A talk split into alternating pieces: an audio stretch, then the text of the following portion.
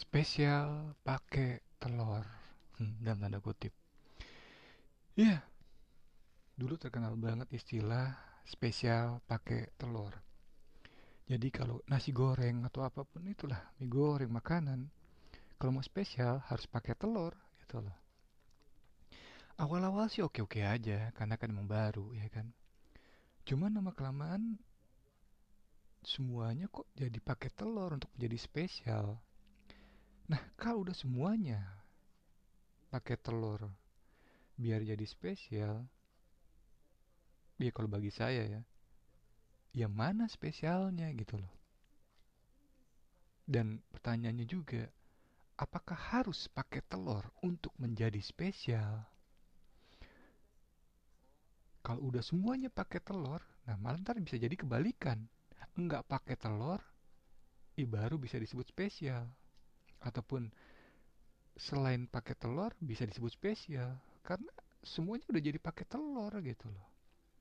Nah ini juga sekalian bisa dibahas tentang fenomena trending ataupun ya ikut-ikutan follow-followan gitu loh.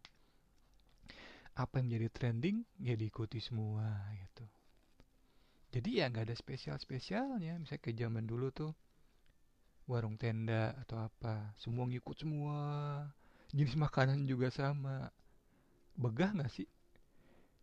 Dalam 100 meter dekat-dekatan semua itu makanannya jenisnya sama gitu loh. Nggak ada variasinya. Begah kan ngelihatnya juga. Dan bakalan ya nggak laku gitu. Karena semua sama. Kenapa nggak berani untuk membuat yang beda something different, yang unik, yang baru. Nah, kalau udah jadi baru lagi, bakal jadi spesial lagi.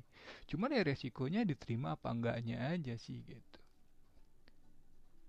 Tapi kalau emang orang-orang yang berjiwa indie ya kan kayak album lagu atau apa, band atau apa, dia mempunyai segmentasi pasar tersendiri, nggak berani, nggak takut gitu loh.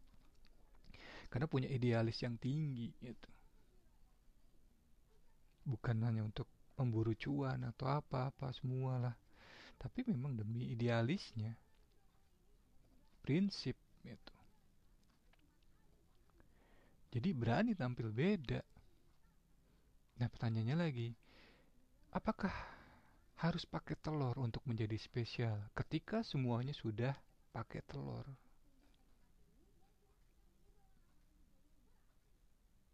Itu pertanyaannya